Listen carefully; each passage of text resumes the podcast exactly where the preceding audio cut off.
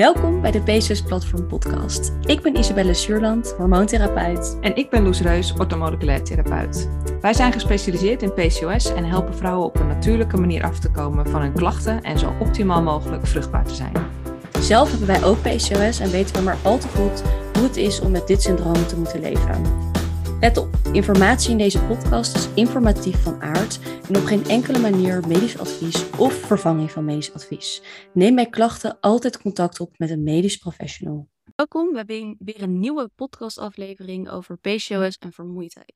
We gaan het in deze aflevering hebben over wat is vermoeidheid nou precies, waar kun je het aan herkennen. We gaan het hebben over is het een burn-out of is het PCOS. We gaan het hebben over mogelijke oorzaken van PCOS en tot slot geven we nog tips om direct met je vermoeidheid aan de slag te gaan. Voordat je verder luistert, willen we ons excuseren voor het wat mindere geluid in deze podcast. We zorgen ervoor dat in de volgende aflevering het weer beter is. Het heeft te maken met een bepaalde instelling op onze microfoon. Mocht je het nou niet begrijpen of dat er een woord is weggevallen dat je het niet snapt, stuur ons gerust een berichtje op Instagram, dan helpen we je graag verder. Nou, onderwerp die wij denk ik heel vaak in de praktijk uh, zien. Heel veel vrouwen uh, met PCOS kampen, met, PC, met, met PCOS, maar ook met vermoeidheid. Ja. Um, en nou ja, we kennen denk ik allemaal wel een beetje het gevoel vermoeid zijn. Um, en dat is natuurlijk ook niet vreemd, nu en dan ben je het nou eenmaal. eenmaal. Alleen bij PCOS komt het vaak in meer heftige mate voor of veel structureler. Of denk een beetje verstopt. En het is denk ik ook een beetje het verschil tussen af en toe moe zijn en echt vermoeid zijn. Dus er is wel een verschil in. Ja, denk ik ook, ja. En nou ja, er zijn ook veel um, symptomen die bij vermoeidheid horen, die je misschien niet gelijk eraan linkt. Zoals bijvoorbeeld uh, concentratieproblemen of een foggy brain. Van de week sprak ik ook een, een, vrouw die zei van ja, ik heb echt een beetje het gevoel dat ik op wolken loop. Mm. En um, dus echt niet helemaal te landen in je, in je lichaam. Um, maar je kunt natuurlijk ook denken aan echt de dip in de middag. Um, ja, weet je, er zijn best wel veel uh, symptomen die ermee in lijn liggen, die niet alleen maar echt dat vermoeid zijn. zijn. Of juist het tegenovergestelde effect, dat je als je moe zou moeten zijn, dat je dan juist weer minder last hebt van vermoeidheid. Dat noemen we een beetje dat tired but wired. Ja. Dus dat je dan inderdaad voelt aan jezelf, ik ben vermoeid, maar dat je soort van ook actief bent. Of dat je zeg maar weet van ik wil nu eigenlijk slapen s'avonds. Dat je denkt, nou, ik ben de hele dag moe geweest. Ga ik slapen en dan paf. Ja. Dan gaat je hele brein aan en dan lig je daar van ik wil slapen, ik wil slapen, ik ben moe. Maar elke keer is het net alsof je brein zegt nee. Nu kunnen niet tot rust komen. Ja. ja. En uh, nou ja, het leek ons fijn om daar wat meer duidelijkheid over te geven. Ook een beetje, ik sprak vorige week een vrouw en zij um, was bijvoorbeeld ook heel erg bang voor een burn-out. Misschien is het leuk om daar ook even wat over te delen. Van hè, wanneer is het nou een burn-out en wanneer is het nou PCOS? Wat is het verschil? En dat er wel overlap zit, maar het echt wel een ander verhaal is bij PCOS. Ja. Kun jij daar wat over vertellen? Dat kan ik. Zeker. Veel klachten en symptomen komen overeen. Hè? Dus je kunt een burn-out hebben en uh, je kunt PCOS hebben. En vaak ervaar je een beetje dezelfde soort symptomen. Dus weet je dat waar we het net over hebben gehad. Je bent vermoeid, je voelt je overprikkeld. Hebt het gevoel dat je dingen niet meer kan dragen. Je bent mentaal vaak sneller geïrriteerd. Stemmingswisselingen. Het zijn allemaal een beetje eh, geheugenverliezen. Allemaal symptomen van de burn-out, maar ook van PCOS. En daarom is het ook logisch dat je denkt: oké, is dat dan hetzelfde? Of waar moet ik het nou eigenlijk zoeken? En het grote verschil zit er met name in de oorzaak. Kijk, bij PCOS is er sprake van een veel dieper liggende verstoring. Dus die, die klachten die je ervaart kunnen te maken hebben met daadwerkelijk overprikkeld zijn of te veel hooi op je vork nemen of te veel werk of privé-situaties. Wat bij een burn-out vaak het geval is, dat je die ballen niet meer in de lucht kan houden.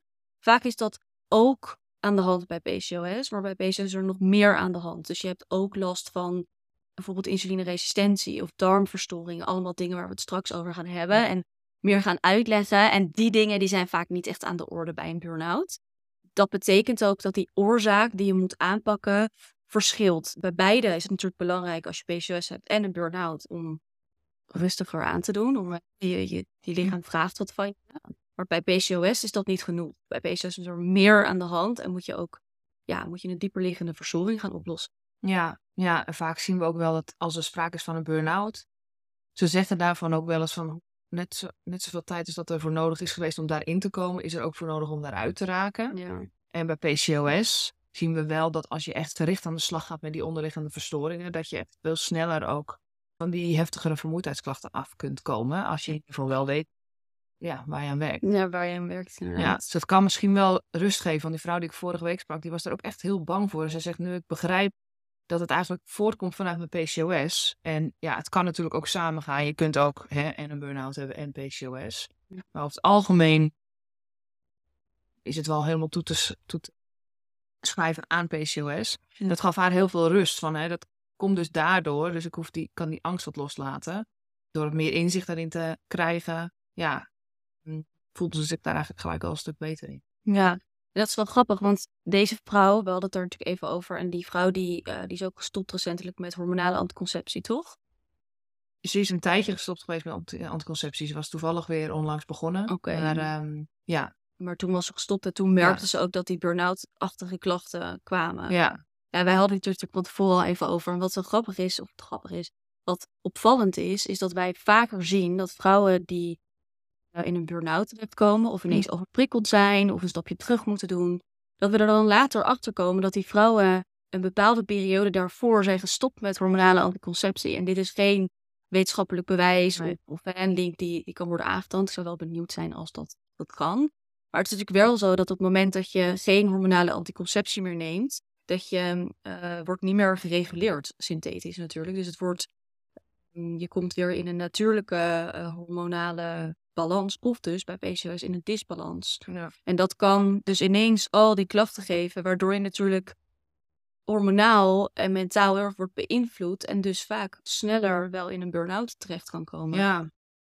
Ja, dat idee hebben we allebei. Ja. Ja. Dat, eh, dat je na het stoppen met de pil inderdaad in een soort van extra gevoelig vaarwater kan komen. Ja. En wij vinden het dan de uitnodiging om hè, daar doorheen te werken naar balans. Zodat je weer in je stabiliteit komt en vaak dus ook weer een stuk draagkracht terugkrijgt. Hm. Het kan, ja, het kan wel lastig zijn om echt in dat vaarwater te zitten een tijdje. Ja. Nou, misschien eh, goed om dan ook even naar die oorzaak te kijken. Want Ja. eh, we hebben het al over wat, wat ballen in de lucht houden gehad. En verschillende dingen die bij een burn-out spelen. Bij PCOS is er dus sprake van een dieperliggende verstoring. We hebben van tevoren een aantal dingen op een rijtje gezet. Kan jij Ja, daar ook meer over uitleggen? Ja, er zijn eigenlijk verschillende oorzaken van vermoeidheid die wel echt eh, ja, grote invloed hebben. Nou, in de basis is er natuurlijk sprake bij PCOS van een hormonale disbalans. En dat werkt eigenlijk door, dat zit eigenlijk onder al die oorzaken van vermoeidheid. Ehm, het zit als een soort van rode draad overal doorheen. Dat heeft te maken met die insuline die vaak uit de pas loopt en met cortisol wat vaak te veel aanwezig is. En dat heeft allemaal invloed op de hormonale disbalans die bij PCOS natuurlijk speelt. Ehm, nou, daarnaast, een van de hoofdoorzaken van vermoeidheid is, die wij zien in de praktijk is toch wel echt insulineresistentie. Daarvan is vooral belangrijk om te beseffen dat op het moment dat je insulineresistent bent, dat je dan dus niet goed tegen insuline kan. En insuline is eigenlijk het hormoon wat nodig is om bloedsuikers in de cel op te nemen. En bloedsuikers, die zijn juist weer nodig. Bloedsuikers in de cel zijn juist weer nodig om energie van uit te maken. Dus op het moment dat dat eigenlijk stagneert, dus de insuline niet goed zijn werking kan doen, blijven die bloedsuikers hoog.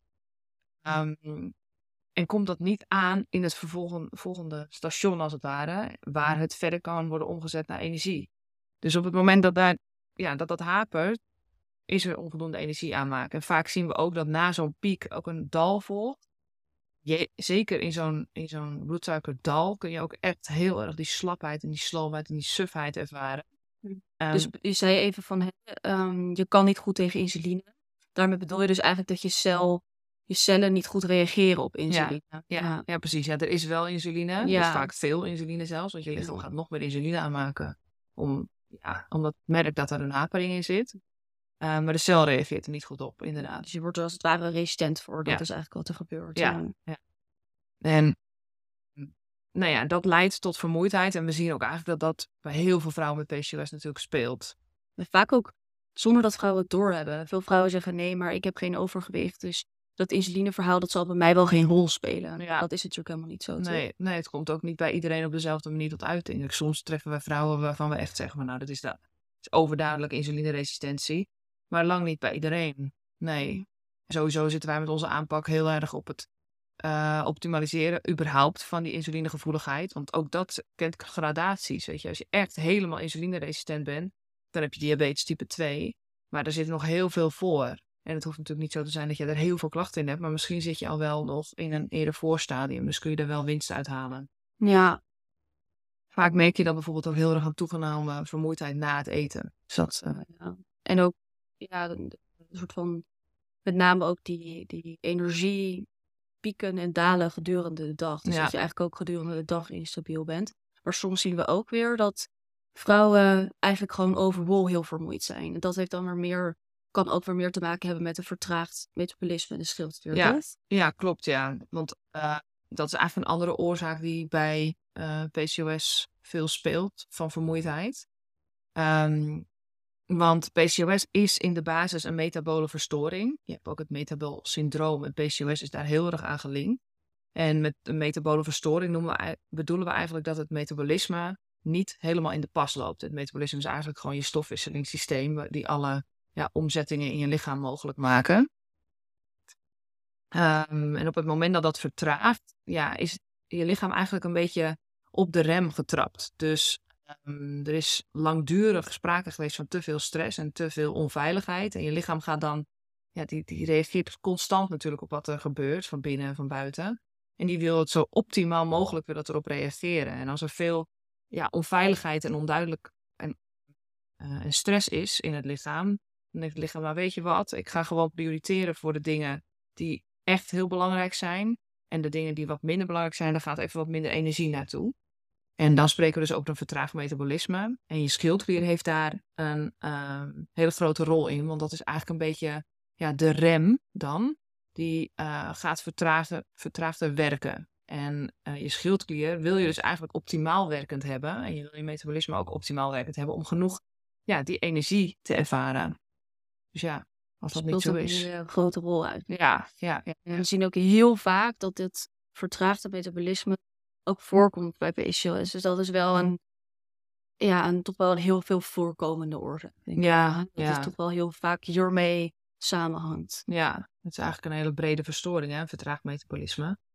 het heeft Ehm. alles te maken met energieaanmaak. Ja, metabolisme bepaalt natuurlijk hoeveel energie er wordt verbruikt. ja, En dat hangt wel van hoeveel er is, maar daar komen we straks terug. ja, Maar dat is natuurlijk wel, ja, het is ook wel een hele duidelijke link. En dat verklaart ook wel waarom dus zo ontzettend veel vrouwen ook aangeven dat ze last hebben van vermoeidheid. ja. En sommige mensen zeggen ook dat PCOS in de basis een energieprobleem is. Nee, dat hangt ook wel een beetje hiermee samen. Ja. Ja, Wat Nou. hebben we nog meer? laaggradige ontsteking. Nou ja, in onze PCOS-scan, die onderdeel is van de PCOS-balansformule, die ehm, komt dat ook voor. Sowieso meerdere van de dingen die we nu eh, behandelen. Maar laaggradige ontsteking is wel een van de verstoringen die een beetje ja, aan de top staat van eh, de oorzaak van PCOS, maar ook de oorzaak van vermoeidheid. En laaggradige ontsteking is eigenlijk dan eh, is er sprake van een constante lichte mate van verhoogde ontstekingswaardes in het lichaam. En het immuunsysteem heeft daar een hele grote rol bij. Het immuunsysteem werkt met ontstekingen, dus dat is natuurlijke actie van het immuunsysteem. Eigenlijk om, dat, om de afweer te creëren. Om Ja. te vechten tegen bacteriën en virussen. Ja, dat doet het eigenlijk altijd met het creëren van ontstekingen. Nee. Alleen als er constant eigenlijk een milieu is van ontstekingen, dan is dus het immuunsysteem constant actief, wat niet de bedoeling is, en dat kost heel veel energie. Dus dat, het rooft eigenlijk energie van andere processen en dat kun je merken aan vermoeidheid. Nou, en e- iets wat daar een beetje mee in lijn ligt, is verstoorde darmfunctie, darmflora, darmwerking. Eh, dat is natuurlijk heel breed, weet je, we gooien van een term die heel breed is. Ehm, maar je hebt natuurlijk ontstekingsziektes in de darmen, zoals colitis ulcerosa, ziekte van Crohn. Oh. Even nadenken. Kijk, dan is eigenlijk een beetje hetzelfde aan de gang als met laaggradige ontstekingen. Maar je kunt ook, ja, een dysbiose hebben, zoals ze dat dan noemen in de darm. Dat een bepaalde darmflora te veel aanwezig zijn, een bepaalde te weinig. Dat de darmgezondheid gewoon verlaagd is. En dat heeft echt effect op ja, hoeveel nutriënten je bijvoorbeeld op kan nemen. En er zijn een aantal nutriënten, daar komen we straks ook wel op, die heel erg nodig zijn voor het aanmaken van energie. Dus ja, als er sprake is van een darmverstoring, of als je bijvoorbeeld heel veel diarree hebt of iets dergelijks, ja, dan is je lichaam gewoon onvoldoende in staat om alle nutriënten uit voeding op te nemen. Ja. En zijn die constante, eigenlijk die constante ontstekingen ook aanwezig. Dus die Dat zou kunnen, ja. eh, ja, het is een beetje, kan een beetje een ontstekingsreactie in je darmen natuurlijk plaatsvinden. Of je immuunsysteem wordt daar continu door getriggerd. Ja. Dus het is eigenlijk een soort van, de darmen spelen ook een hele grote rol, omdat ze ook zo'n, ja, zoveel effect hebben op de rest van het lichaam natuurlijk. Ja, ja, en ja, bij, er komen gewoon heel snel inderdaad ontstekingen bij kijken. Nou is dat niet per se zo, Ja. maar vaak bij bijvoorbeeld een verminderde darmwand eh, kwaliteit en een verhoogde doorlaatbaarheid van de darm komen ontstekingen ook alweer sneller bij kijken. Dus dan komt inderdaad het hele verhaal van die laaggradige ontstekingen ook via die weg weer. Ja. En wij zien ook vaak dat stress daar een hele grote rol in speelt bij die door, verhoogde doorlaatbaarheid van de darm. Dus Ja. dat is natuurlijk wel, ehm Ja, het haakt allemaal weer op elkaar elkaar in. verrassend. Ja, en dan hebben we eigenlijk nog ehm voedseltekorten, te weinig eh, energie. Ja, ja, want je kunt ehm, naast dat je natuurlijk te weinig opneemt, ook überhaupt te weinig eten. Nou, dat zien we denk ik in de praktijk echt super vaak. Ik denk echt dat bijna iedereen te weinig eet. Ik moet zeggen, ik- wij moesten er zelf ook gewoon echt wel actief aan werken. En nog steeds wel, als je een drukke dag hebt, je eet snel. Ah, je bent snel van, oh, ik laat het even. Ja. Dat merk ik nu wel aan mijn lichaam als ik dat doe. Maar Ja. destijds had ik dat niet zo in de gaten. Ja, Als het toch meer dat je dacht, ja, ik, het zal wel. Het zal er allemaal wel bij horen. Totdat je weet hoe het ook kan zijn. ja, Dan pas heb je door hoe weinig je eigenlijk at. En hoe weinig energie je dus krijgt. Ja. En het is natuurlijk zo logisch, eigenlijk gewoon een open deur, dat eh, je energie nodig hebt om je goed te voelen over de dag heen. Ja. Ehm, ik denk dat vrouwen dus enerzijds onbewust te weinig eten. En anderzijds ook misschien denken van nou, als ik te weinig eet, ik heb genoeg reserves, dan teert mijn lichaam daar wel op. Mhm. Alleen teren op reserves is een stressvol proces en vraagt onderaan de streep echt wel wat van je lichaam en van de hoeveelheid nutriënten die er zijn. Dus je wilt echt om genoeg energie te krijgen over de dag heen gewoon echt genoeg eten. Eerst maar eens, zodat al die processen kunnen versnellen en eh, je gewoon ja, een bepaalde fitheid kunt gaan realiseren. Ja, en dit is natuurlijk ook echt die mindset waar wij het natuurlijk vaker over hebben. Waarbij je je lichaam juist tot voeden in plaats van van allerlei dingen wilt ontzien. Dus in plaats van restricties veel meer kijken bij PCOS. Wat heeft mijn lichaam nodig? Ja. Alle systemen in mijn hele lichaam te voorzien van voldoende energie. Waardoor je natuurlijk ook gewoon over de dag heen energiek en goed voelt. Ja, het is heel bazaal, maar we zien gewoon in de praktijk dat bijna iedereen hier winst in kan behalen. Ja.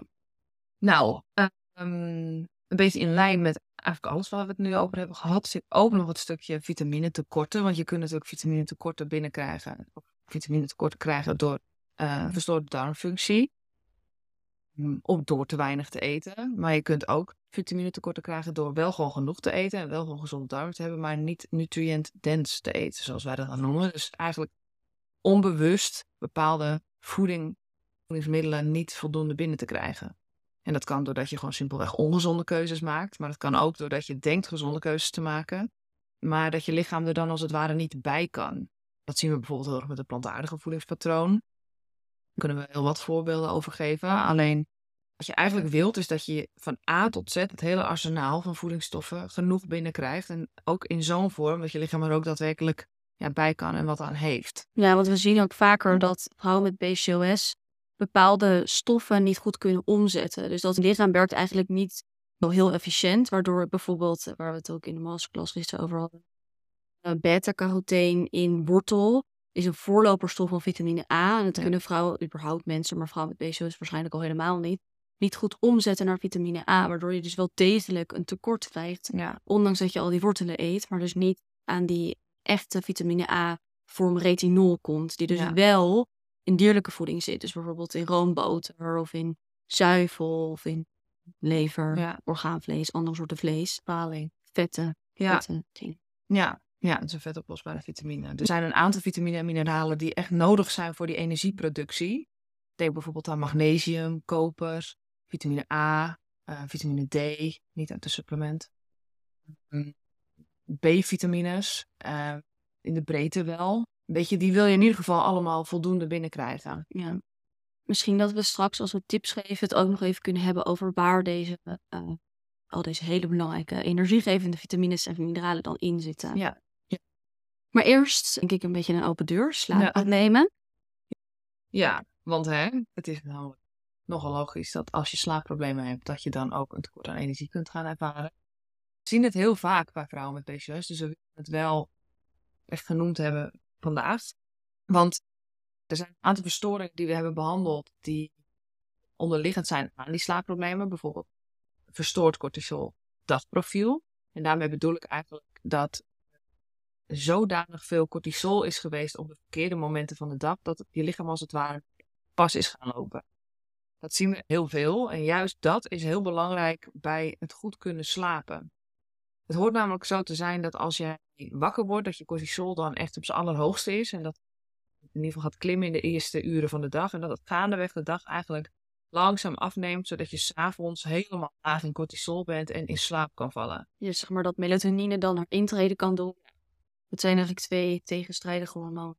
Melatonine is dan weer het slaaphormoon en die ja, zijn inderdaad uh, antagonist, zoals dat zo Mm. elkaar. En wat we vaak merken is dat mensen overdag zo'n aanspraak doen op hun cortisol, zoveel aan willen staan en zoveel moeten. Wat op de korte termijn natuurlijk prima is, maar als dat langdurig zo is, dat het, dat het uit de pas gaat lopen.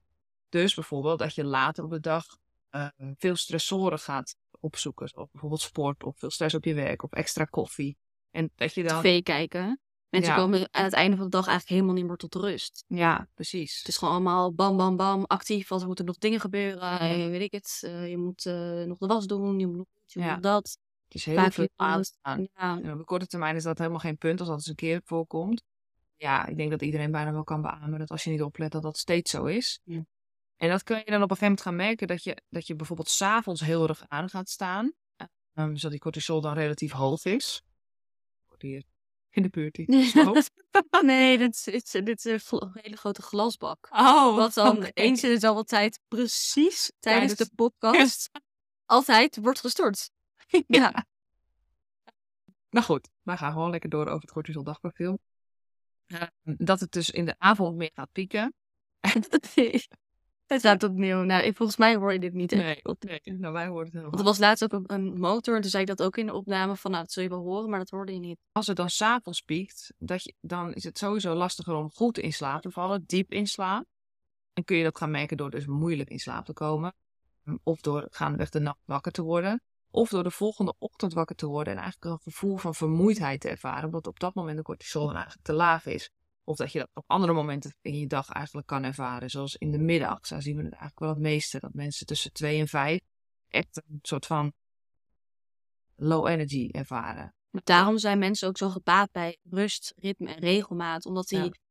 eh, die rust over, zeg maar, overdag en 's avonds, die genereert natuurlijk weer een bepaald ritme. En dat ritme gewoon elke keer hetzelfde. Dus dat je gewoon piek, daalt, hetzelfde, zeg maar, als het klopt. En je niet aanspraak doet op, op bepaalde energie op momenten dat die er eigenlijk niet zou moeten zijn. Dan blijf je veel meer, ehm, ja, dan weet je lichaam, zeg maar, wanneer een hormoon moet pieken en Ja, dalen. Precies. Dus daar kan het mee te maken hebben. Het kan ook te maken hebben met insulineresistentie, maar het kan ook simpelweg te maken hebben met jezelf niet genoeg tijd gunnen om te slapen. Weet je, dat je later ingaat vanwege wat voor reden dan ook en de wekker weer heel vroeg zet. Het is in ieder geval een heel belangrijk element natuurlijk bij eh, creëren van energie overdag. Slaap is echt belangrijk, dus ja, wees daar eerlijk in over, voor jezelf ook. Als je merkt, ik zou eigenlijk meer moeten slapen, doe dat jezelf eens een tijdje. Nou, soms is het ook niet alleen het genoeg slapen, maar ook de kwaliteit van slaap die heel Ja. belangrijk is. Dus dat je ook door die fases heen gaat van lichte slaap, remslaap, eh, diepe slaap. Je hebt het eigenlijk allemaal nodig. Ja, Dus als je alleen maar licht slaapt, dan herstel je evengoed niet voldoende. ja. En daarvoor zijn eigenlijk alle dingen die wij zeggen, en gewoon een beetje slow in leven, heel erg belangrijk om hem ook s'nachts te kunnen herstellen. Nou ja, daar een beetje aan gelinkt is natuurlijk hoge stress. Daar ben ik net eigenlijk al met het dag, da- eh, cortisol dagprofiel op ingegaan.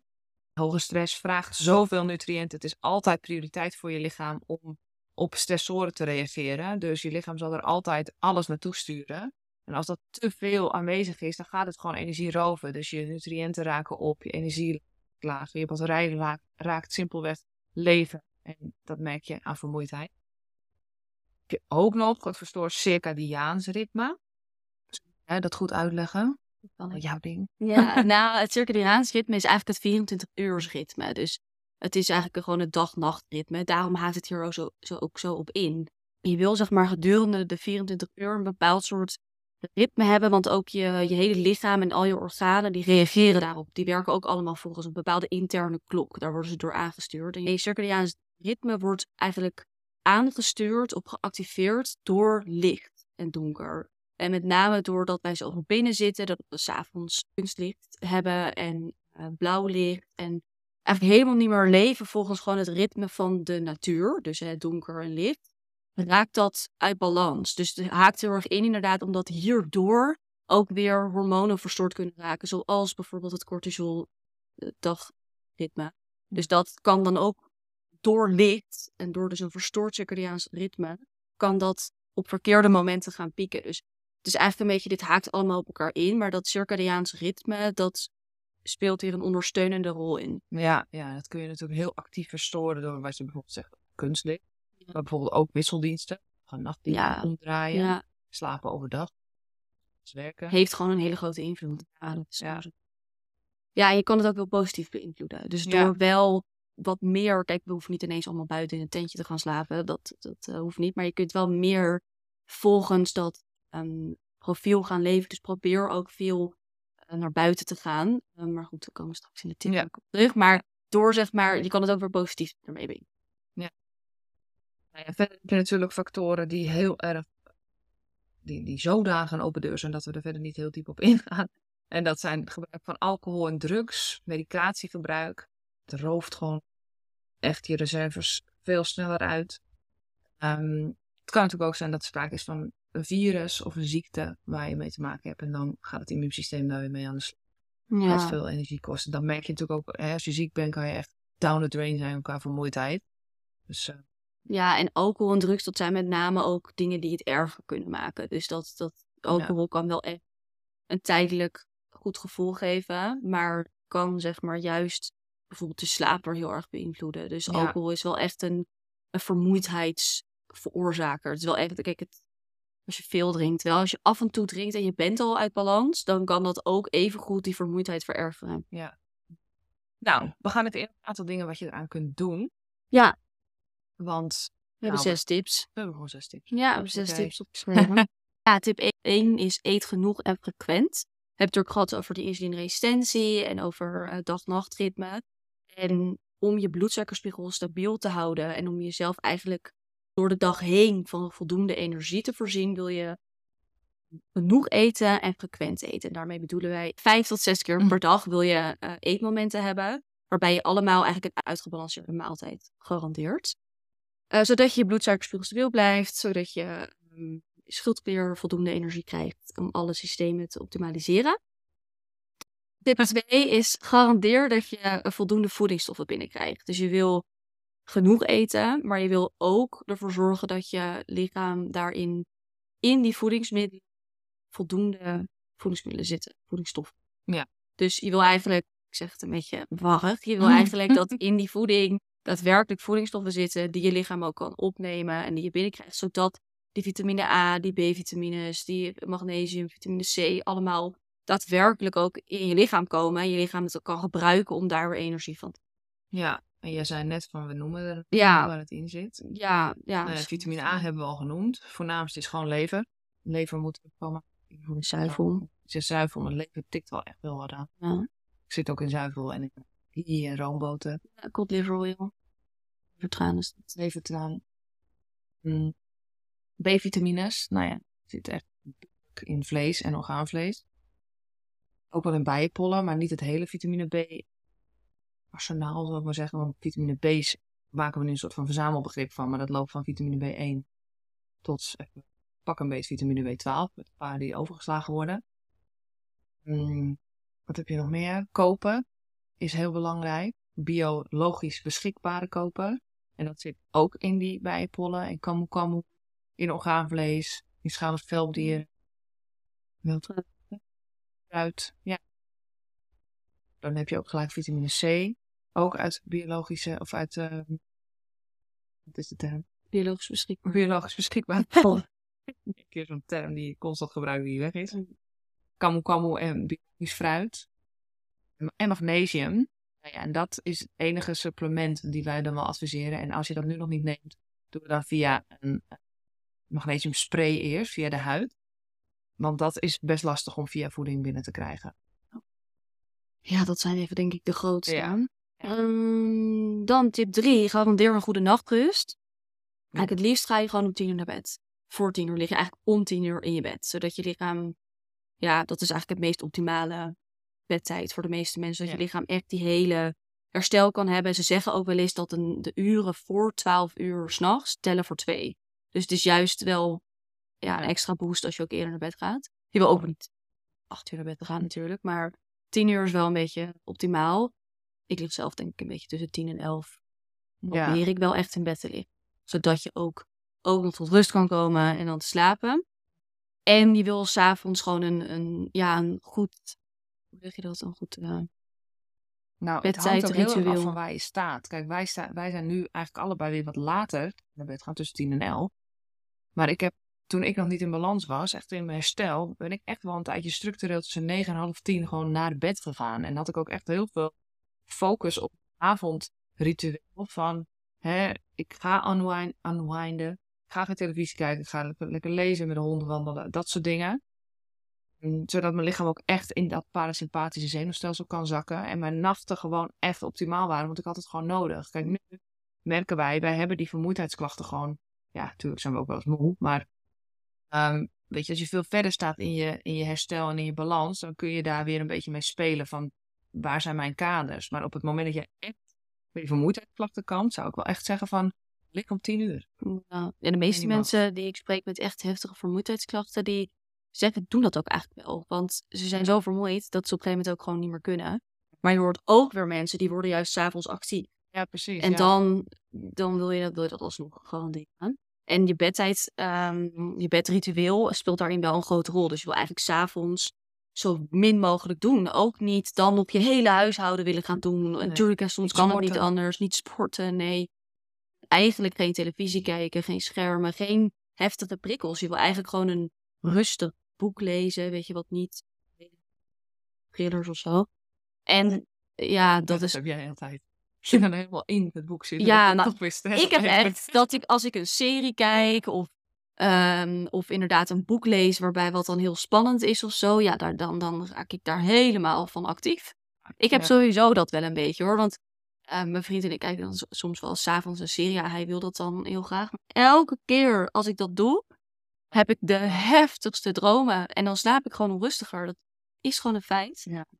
Gewoon geen televisie hebben. Ja, Ik heb al, ik heb al zeven maanden geen televisie. nee, Dat helpt. het gaat wel veranderen. Gaat wel veranderen. Ja, dat is waar. Ja, maar ja, weet je, het is natuurlijk ook niet per se dat het Nee, nooit niet kan. nee. Maar het is wel gewoon, dat willen we vooral meegeven op het moment dat je, dat je hiermee kampt. Kan het gewoon fijn zijn om gewoon als, als in de vorm van een pilot of zo, dit gewoon eens een kans, echt een kans te gunnen om zo'n avondritueel. Want ik- we merken wel dat heel veel mensen het vinden om daar echt de ruimte voor te nemen. Want avonden zijn natuurlijk ook je vrije tijd. Ja. Leuke dingen kunt Natuurlijk is daar natuurlijk ook wel ruimte voor. Maar inderdaad, kijk, op het moment dat je jezelf zo tegenkomt en zoveel klachten krijgt, dan heb je, ben je toch overdag vermoeid. Dus dan heeft het ook, en s'avonds waarschijnlijk ook, en dan heb je ook helemaal geen ruimte meer om, om nog iets leuks te doen. Dus dan kan je maar beter denken, dan ben ik overdag in ieder geval nog actief, Ja. weet je. Dan kom ik in ieder geval weer in een, ja, heb ik in ieder geval weer energie. En dan Ja. kan je vanuit daar weer gaan uitbouwen naar, oké, ik door de week slaap ik zo laat en dan het weekend later, weet je wel. Dat, Ja. dat hou je toch altijd een beetje aan. Ja. Tip 4. Probeer alcohol zoveel mogelijk te vermijden. Dit is een beetje een open deur, maar we merken toch dat mensen of vrouwen vaak zeggen: Ja, ik voel me eh, beter door de alcohol, of ik ontspan meer, of ik slaap beter in. En inderdaad, je kan wat sneller in slaap vallen. Zeker als jij je herkent in het tired but wired gevoel, dat je dan s'avonds juist weer actief wordt, dat je kan relaxen. Maar je kwaliteit van je slaap verslechtert enorm. Dus je rust veel minder goed door de nacht heen. En eh, ja, het belast je lichaam gewoon op alle mogelijke manieren, waardoor je juist veel vermoeider raakt. Dus het is alcohol kan prima af en toe een keer. Maar als jij veel vermoeid bent en je hebt er echt veel last van, dan zou ik echt wel jezelf die, die wijntjes tussendoor of die biertjes of wat je ook drinkt, echt wel weglaten. Dus dat je meer zegt af en toe een keer bij gelegenheid drink ik wat, maar verder laat ik het gewoon weg. Ja. Tip 5.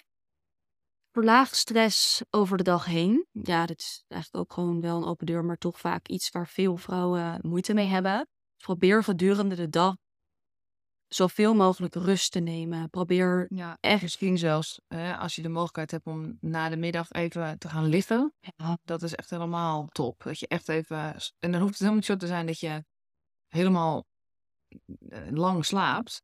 Sterker nog, dat is niet, nee. nee, niet, eh, niet helpend. Maar dat je wel even helemaal wegzakt. Helemaal naar die ontspanning. En dan eigenlijk alweer wakker wordt. Soms heb ik, als ik 20 minuutjes, als ik even vermoeid ben, ik ga 20 minuten liggen en ik kom helemaal even in die rust. En dan hoef ik nog niet eens te slapen, maar dan tik ik het net aan, zeg maar. Dan Ja. ben je er gewoon weer. Dat is echt, echt Je wil ook wel maximaal 20 minuten ja. liggen, Ja. want anders dan belemmert het je Of weer. dingen als bijvoorbeeld eh, wandelen met de hond. Ja, wandelen. lekker naar buiten, eruit, Ja. iets leuks doen, even met iemand een praatje maken. Weet je, probeer niet de hele dag aan één stuk door activiteiten te doen Nee. en to-do's af te werken of te werken. En daarmee werk je dus eigenlijk ook aan dat cortisol dagprofiel. Ja, Positief. precies. En tot slot, tip 6. Probeer jezelf zoveel mogelijk bloot te stellen aan daglicht. Ja. Door veel naar buiten te gaan, veel volgens het, ja, het natuurlijke ritme te leven, krijgt je lichaam toch de hele tijd die signalen van dit is dag en dit is nacht. En daardoor kan je overdag actiever zijn en ben je s'nachts, kom je meer tot rust. Ja, en daardoor heb je dus, want daar gaat, natuurlijk, gaat het helemaal om in deze podcast, overdag genoeg energie en verlaag je die vermoeidheid. Ja, al deze tips dragen daar gewoon aan bij. Ja, dat Ja. zijn allemaal echt wel belangrijke elementen om die vermoeidheid te verminderen. Zeker, heel belangrijk. Nou, en we hopen natuurlijk dat dit jou een beetje een beeld geeft van hè, waar kan mijn vermoeidheid vandaan komen en eh, wat kan ik eraan doen. En dat het je ook een stukje rust geeft, dat het niet gek is dat je vermoeid bent. Ehm, ja, en aanknopingspunten om gewoon lekker mee aan de slag te gaan. Heel veel succes en tot Ja. de volgende keer.